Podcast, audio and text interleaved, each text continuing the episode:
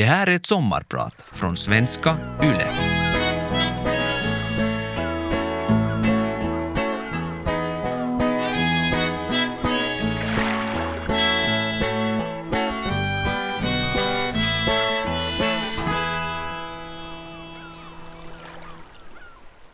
Arbetsplatsmobbning kostar enorma summor.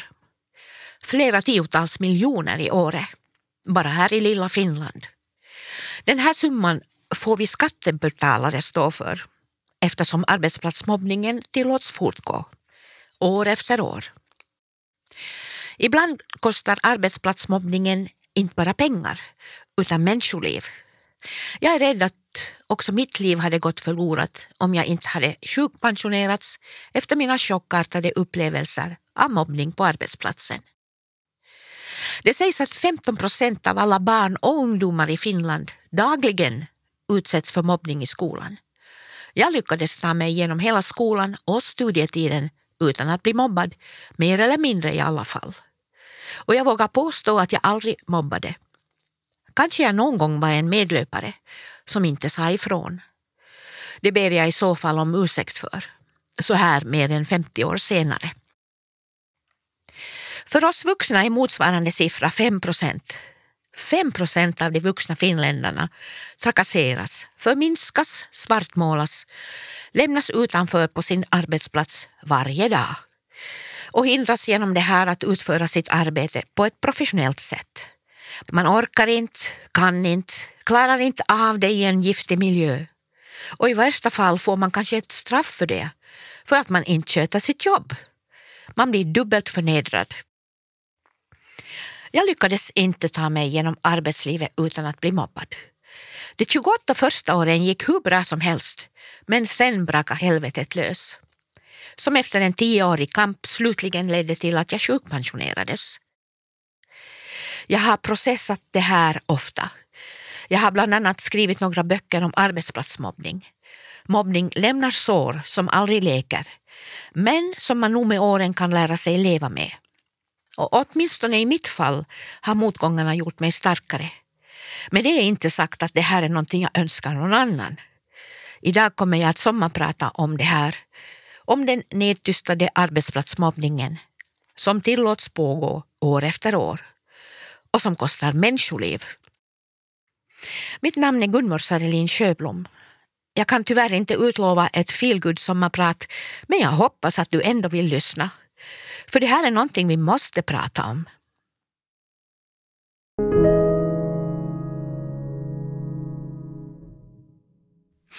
Jag sa tidigare att det knappast blir något öronmys idag. Men det stämmer nog inte riktigt. En motgång överskuggar aldrig ett helt liv, tack och lov. Jag landade tidigt i min egen personlighet, född som jag är på självständighetsdagen. Jag njuter att vakna varje morgon och förvånas över att jag ännu som 70 plus lär mig något nytt varje dag. Jag trivs med mina kära och ärliga vänner och uppskattar människomöten där alla blir sedda. Det är extra skoj att kunna sätta en liten överraskande guldkant på vardagen. Ett rim, ett bus, en gest, ett gott skratt eller en liten hemmagjord gåva. Och jag älskar färg och form, god mat och internationella miljöer. Livet har gett mig många titlar. Min pappa var lärare i Pärnu kommun i Forsbysåg där jag växte upp på skolbacken. På en liten ort är det viktigt att ha etiketter på folk. Sällan får man välja dem själv. Jag var alltså lärarens dotter när jag växte upp. Min barnträdgård från tre års ålder var min pappas klassrum för folkskolans femte, sjätte och sjunde klass. Tidigt i livet så lärde jag mig en hel del om vett och etikett, de tio budorden och mycket om efterkrigstidens VSB-pakt och senare notkrisen. Barndomen har stor betydelse för varje människa. Det finns experter som säger att varje barn har ett barndomstrauma i bagaget. Ett trauma som sen kommer fram i den vuxna personligheten. Eftersom en förälder inte har någon kompetens, utbildning eller facit på hand på hur man uppfostrar barn. Mina trauman, retrospektivt, är väl att jag lydde mina föräldrar till punkt och pricka och alltid gjorde vad jag blev tillsagd. Till exempel inför sovdags vid ung ålder skulle jag infinna mig under gökuret i vardagsrummet prick klockan 19. Där stod jag i vakt i pyjamas och visade mig färdig för John Blund när göken kom ut för att gala sju gånger. Koko, koko. Det var ingenting jag led av då. Det är bra med struktur och disciplin i vardagen. En inkörning i vuxenlivet. Jag blev den väluppfostrade duktiga flickan som var mån om att vara till lags och göra sitt yttersta, plus lite till. Och alltid vara i tid. Mamma och pappa var nöjda. Men det var just de här sidorna i min personlighet som jag senare skulle få betala för i arbetslivet. Jag hade lärt mig att inte opponera mig. Jag var hövlig, också mot de ohövliga. För övrigt, vid bouppteckningen efter mina föräldrar såg jag till att få ta hand om just kokoklockan för att försäkra mig om att den aldrig mer skulle kunna gala koko, koko. Då var jag dotter. Nu är jag också hustru till min talangfulla man, mamma till våra två fina barn och mormor till våra fantastiska barnbarn. Alla de här titlarna bär jag med tacksamhet, liksom jag också burit mina yrkestitlar med stolthet. Det är olika sidor av en och samma person som alla är olika, men de är ändå alla jag. Men ska jag välja en favorittitel blir det nog mormor. Att vara mormor, både förnyar och föryngrar. Ge ger mig så mycket samhörighet, glädje och kärlek. Jag älskar de små lyckliga människovarelserna som alltid hänger med på äventyr, sagor och pyssel. Jag är också författare på eget förlag. Som jag redan sa har jag gett ut tre böcker. Jag är konstnär jag målar och skapar och ställer ut regelbundet. Till och med så långt borta som i Stockholm. Jag brinner för välgörenhet. Jag lär mig ständigt hur världen också kan se ut och är engagerad i kvinnors och flickors rättigheter i u-länder. Som till exempel i Kambodja. Jag har älskat att resa över hela världen och jag älskar att tala främmande språk. Jag talar fem språk flytande, av vilka franska nog är mitt favoritspråk. Det får jag också tala i Kambodja. På samma sätt som de olika rollerna i livet, dotter, hustru, mamma, mormor, är olika sidor av samma person brukar jag tänka att man förändras beroende på vilket språk man talar. Det aktiverar olika sidor hos en själv. Jag tycker om den franska Gunvor. Passion, gester och uttrycksfullhet.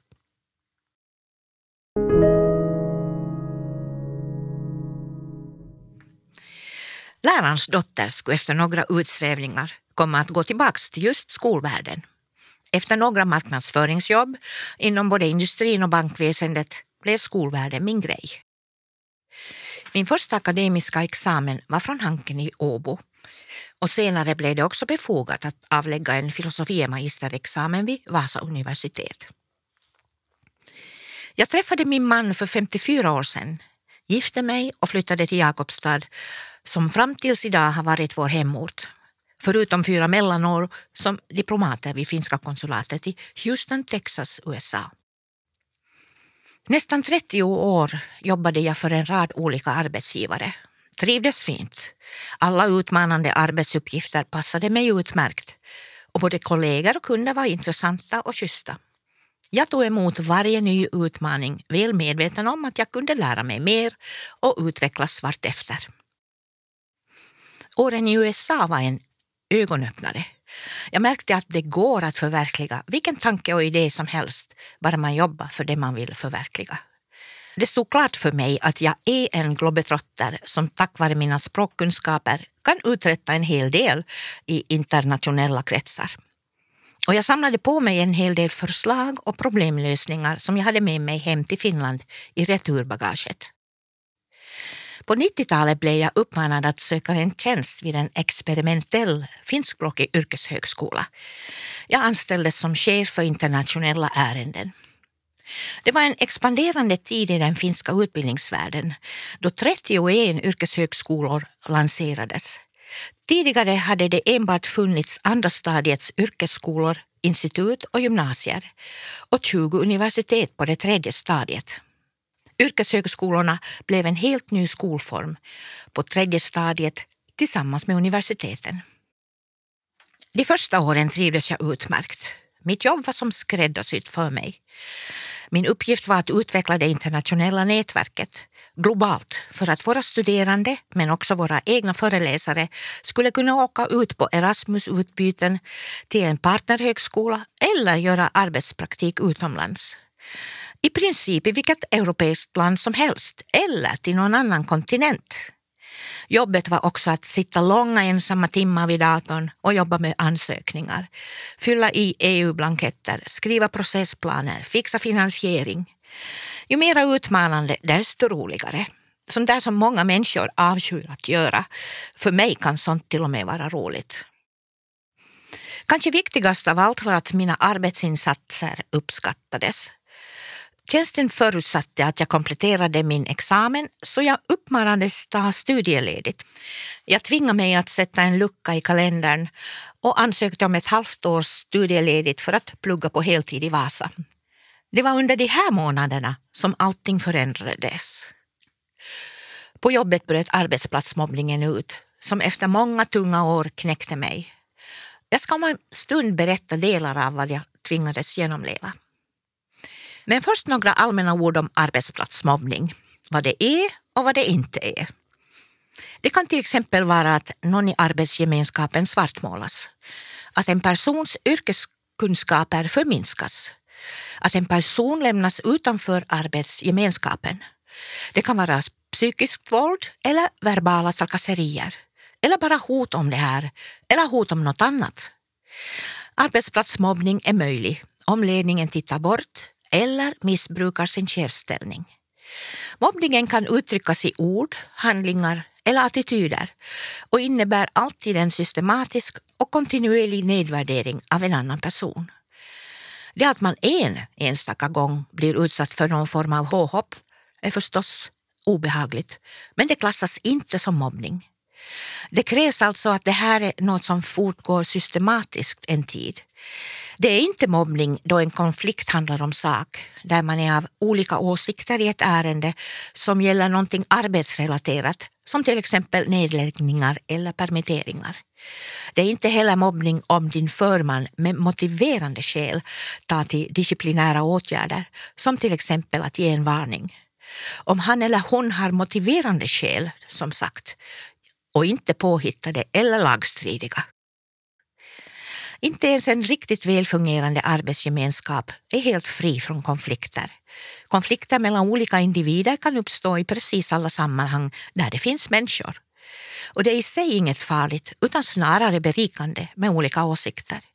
Det är när de här konflikterna inte reds ut och gås igenom som det med tiden lätt kan övergå i mobbning. Forskning bevisar att arbetsplatsmobbning ökar stressen och försvagar arbetshälsan. Och det leder inte sällan till att den mobbade blir sjuk.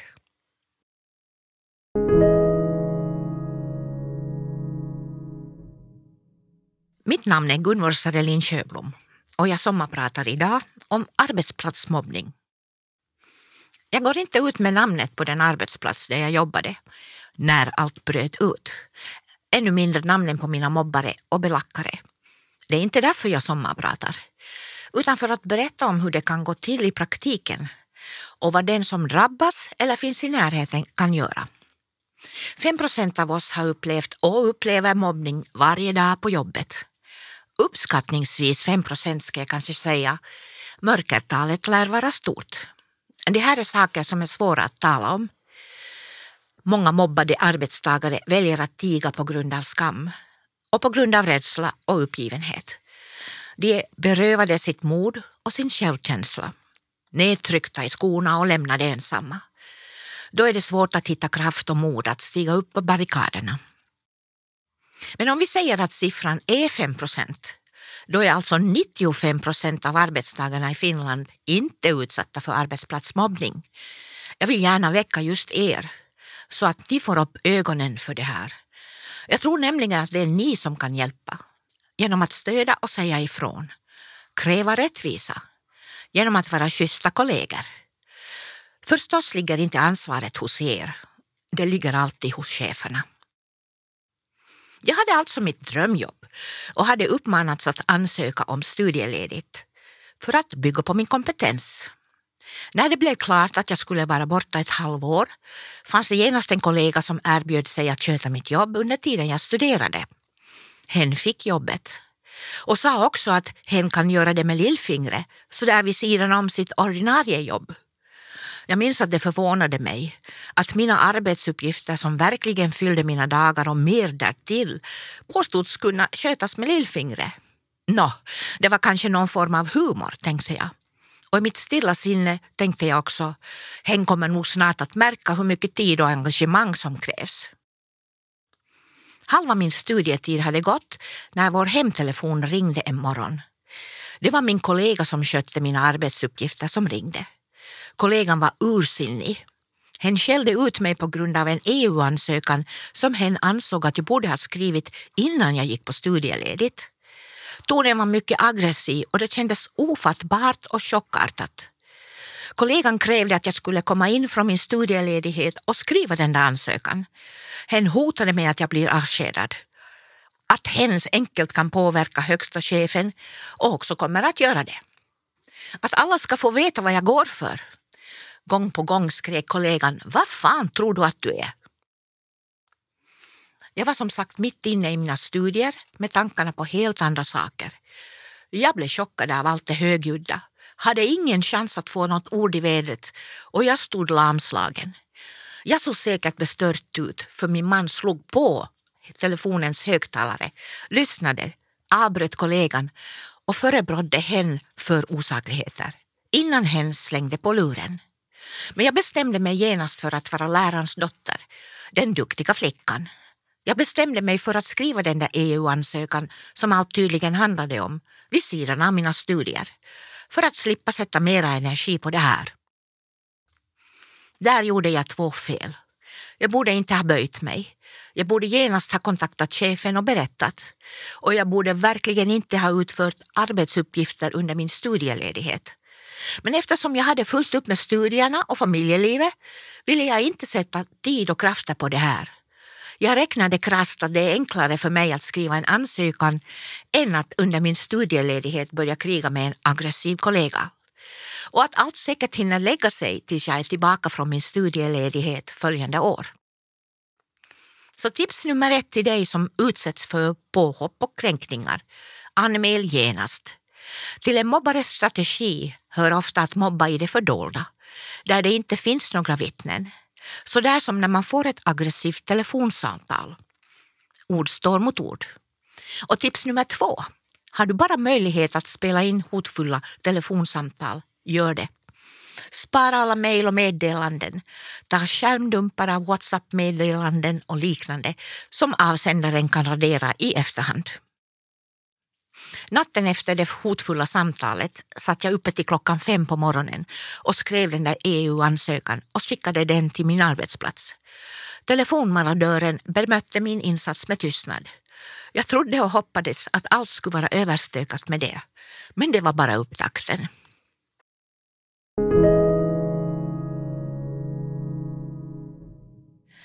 En kort tid efter det här kallades jag till arbetsplatsen från min studieledighet.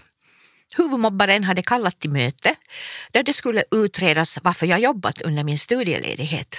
Det vill säga samma person som ringt mig på mitt hemnummer och fått mig att skriva den där EU-ansökan, trots att jag var ledig. Nu stod jag anklagad för det som hen tvingat mig till med hot om ryktesspridning. Det kändes som en rättegång där en panel på sex personer från ledningen helt hade svalt alla de beskyllningar som kollegan kom med. Hela processen var djupt kränkande. Kärleken till jobbet fick sig en ordentlig törn. Med facit på hand borde jag kanske ha sagt upp mig, lämnat den där miljön bakom mig. Men arbetsuppgifterna var ju utmanande och stimulerande. Och nu hade jag dessutom avlagt en tilläggsexamen för just den här tjänsten. Jag tänkte att jag stannar kvar och kämpar. Tog kontakt med huvudförtroendemannen och min chef, högsta chefen, precis som man ska när sånt händer. Jag möttes inte av förståelse någonstans. Jag fick ingen hjälp och beslöt att anmäla arbetsplatsen till länets arbetarskyddsmyndighet. Samtidigt fortsatte jag att åka till jobbet varje dag. Men ju närmare arbetsplatsen jag kom, desto mer oroade jag mig och kände antipati till och med för själva byggnaden. De flesta i huset visste ingenting eller så såg de bort. Jag mådde inte bra. Men när jag satt ensam på mitt rum och kunde umgås med mina närmaste kollegor som alla fanns utomlands, då kändes allt både roligt och meningsfullt. Jag kände att jag hade mycket att ge. Därför stannade jag kvar. En mobbares strategi är att förstöra ditt rykte. Så fort som ditt rykte är förstört är du försvarslös, ytterst sårbar och kan attackeras fritt. När väl mobbaren har stuckit hål på ditt rykte behöver hen inte längre anstränga sig så mycket eftersom hen har påverkat den allmänna opinionen. Att så ett tvivel är ett mycket mäktigt verktyg. Därefter kan flera nya rykten och lögner enkelt spridas. Den mobbade har bara två möjligheter. Antingen att förneka alla rykten och kanske till och med producera någon form av bevismaterial. Men sånt tar tid, kraft och energi. Och du hinner ändå aldrig ikapp alla rykten i en sån situation. Ditt andra alternativ är att ignorera lögnerna och rycka på axlarna. Också det är ett dåligt alternativ eftersom vi alla vet vad som gäller i ett litet samhälle. Ah, ingen rök utan eld. Jag stod helt ensam och just det tog knäcken på mig. Tack och lov hade jag mina vänner, min familj och min starka och kloka man vid min sida. Utan dem är jag rätt säker på att jag inte hade suttit här idag. Just under den här tiden dog både min far och min mor med bara ett drygt års mellanrum. Det kom inga kondolenser från min arbetsgivare men nog från mina utländska kollegor. Jag jobbade utan uppehåll. Jag kunde inte längre gråta.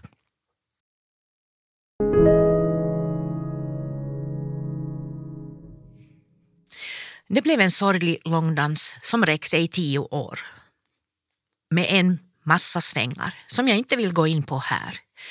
Dels för att det i dina öron kanske bara är en massa irrelevanta detaljer och som de var livsavgörande för mig.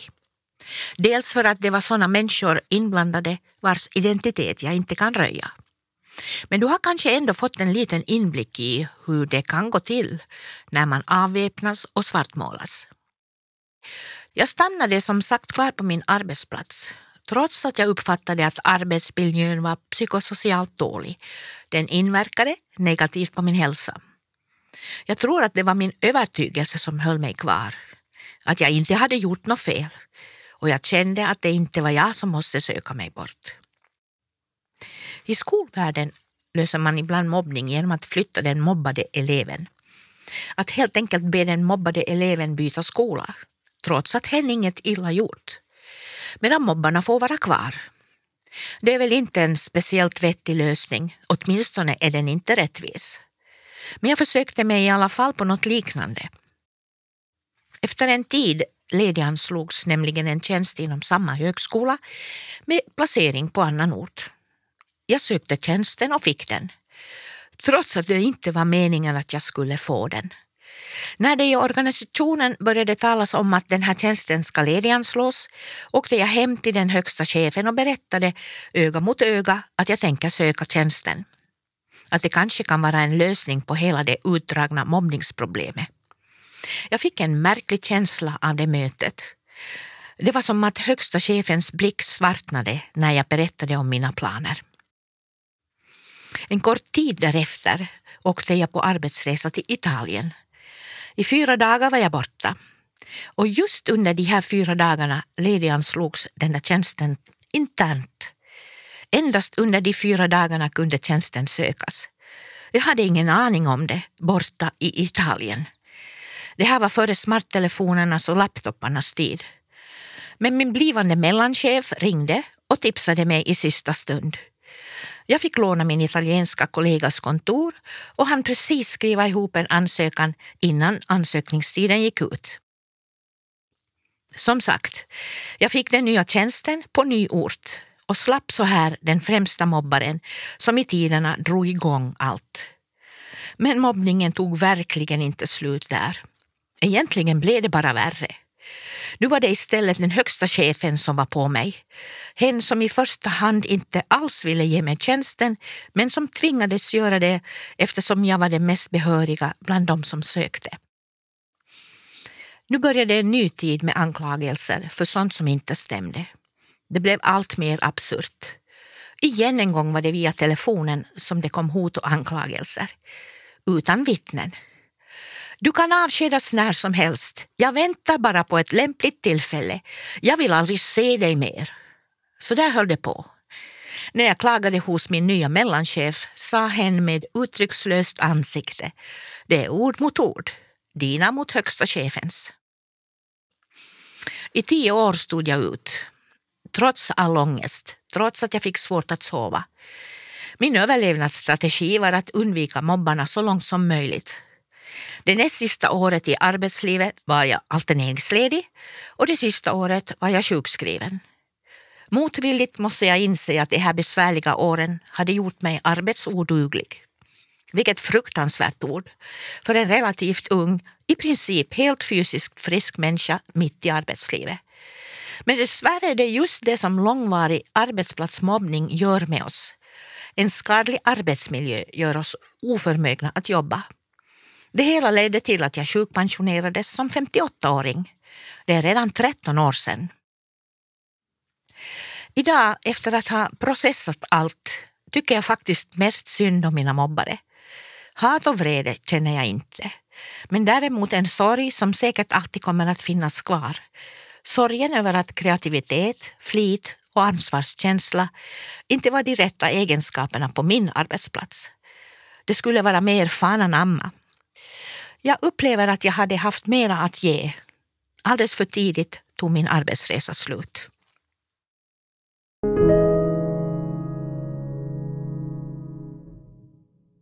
Idag är jag så innerligt tacksam för allt som jag har fått uppleva.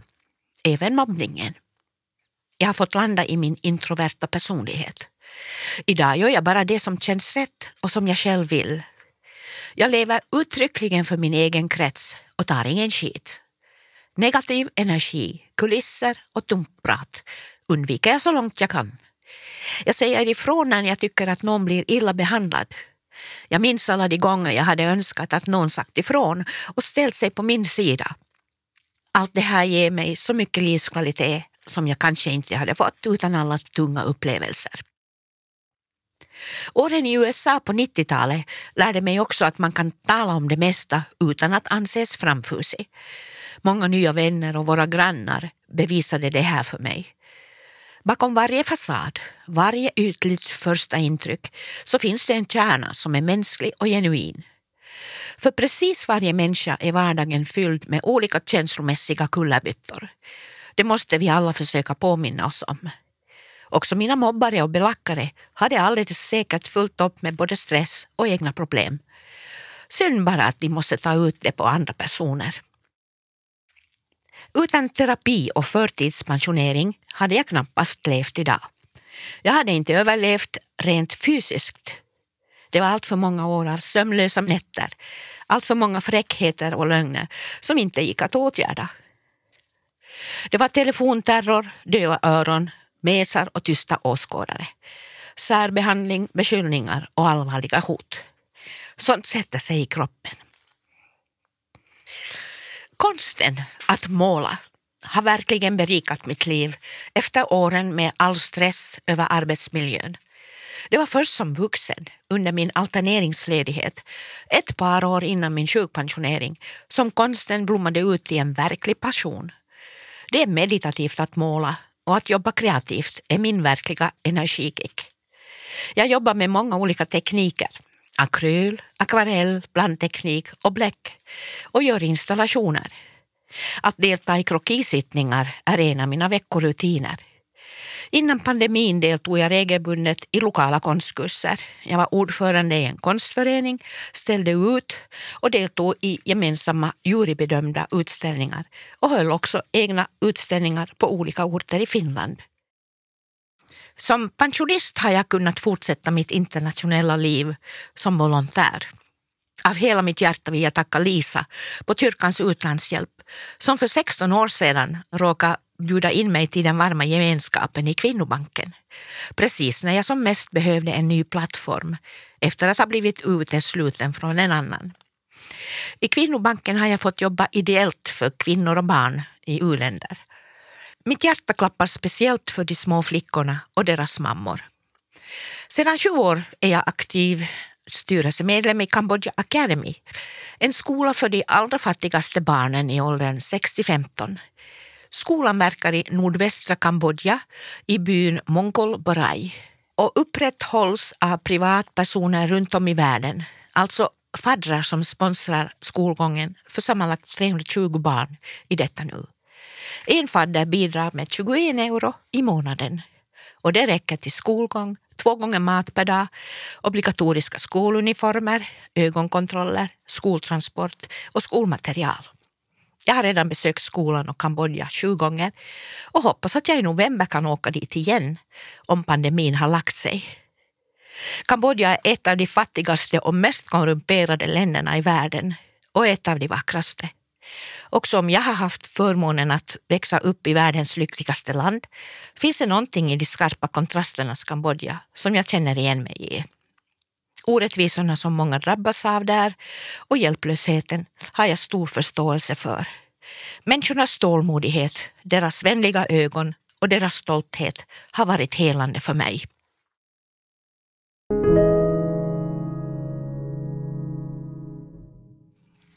Till dig som har semester just nu och som njuter till fullo säger jag grattis. Hoppas att du förstår att uppskatta att du tydligen har en arbetsmiljö som du kan glömma när du har semester.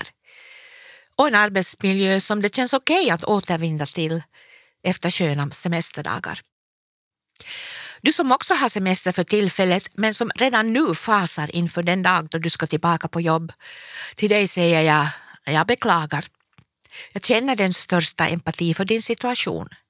Och om jag bara kunde hjälpa dig så skulle jag gärna göra det. Problemet i varje mobbningsfall är att det är svårt att få någon att överhuvudtaget lyssna. En arbetsplats eller skolan är i grunden ett nätverk av personer som är mer eller mindre beroende av varandra och som därför skyddar varann. Min dyrköpta erfarenhet är om du känner dig kränkt och utstött är det bara du själv som kan förändra situationen. Det är du som ansvarar för ditt eget välbefinnande och din egen framtid. Så bättre fly än länge fäkta. Det skulle jag så himla gärna säga till mig om jag kunde resa tillbaka i tiden. Några tips till dig som blir mobbad tänker jag våga mig på. Om du bara kan, försök ändra på din personlighet och bli lite mer kaxig. Om du liksom jagar en tyst och hövlig person som låter mobbarna leva rövare. Blanda dig i och ställ genast öppna frågor när mobbningen drar igång. Du kan till exempel fråga vad är det jag har gjort mot dig som gett dig en så förvrängd bild av mig? Varför riktar du en personlig attack mot mig? Hur känns det för dig när du ropar och skriker osakligheter? Hur mår du? Och som sagt, ställ de här frågorna genast när det drar igång. Artighet och överseende måste ibland komma på andra plats. Och trots att jag har erfarenheten att ingen utomstående hjälper ska du givetvis ta den hjälp du kan få. Pröva facket, arbetarskyddet och så vidare. Kanske du har bättre tur än jag. Till dig som mobbar vill jag säga, arbetsplatsen är ingen sandlåda. På jobbet handlar det om att ta ansvar, göra det jobb som man har lön för och samarbeta. Hövlighet korrelerar positivt med en god arbetsmiljö. Dessutom, om du inte är förmögen att känna empati med andra människor kanske du förstår dig på pengar istället. Arbetsplatsmobbning är nämligen inte bara ett psykologiskt och medicinskt dilemma utan också i allra högsta grad ekonomiskt. Sjukledigheter, arbetsoförmögenhet och förtidspensionering på grund av en skadlig arbetsmiljö och svagt ledarskap beräknas kosta vårt samhälle 100 000 euro varje dag. Den årliga kostnaden landar runt 36 miljoner euro. Det är mycket pengar det. Mobbning är ett välkänt problem över hela den industriella världen och så sent som i fjol införde Frankrike en omdebatterad lag som kan ge skolmobbare kännbara bötesstraff och till och med fleråriga fängelsedomar. Hur den lagen kommer att tillämpas i praktiken ska bli intressant att följa. Om det visar sig att den har effekt hoppas jag att liknande lagar kan stiftas här hos oss. Jag som har sommarpratat idag heter Gunvor Sarelin Sjöblom. Jag hoppas att du från och med idag vill blanda dig i orättvisor på din arbetsplats. Stöd dina kollegor och medmänniskor i nöd. Tack för att du har lyssnat.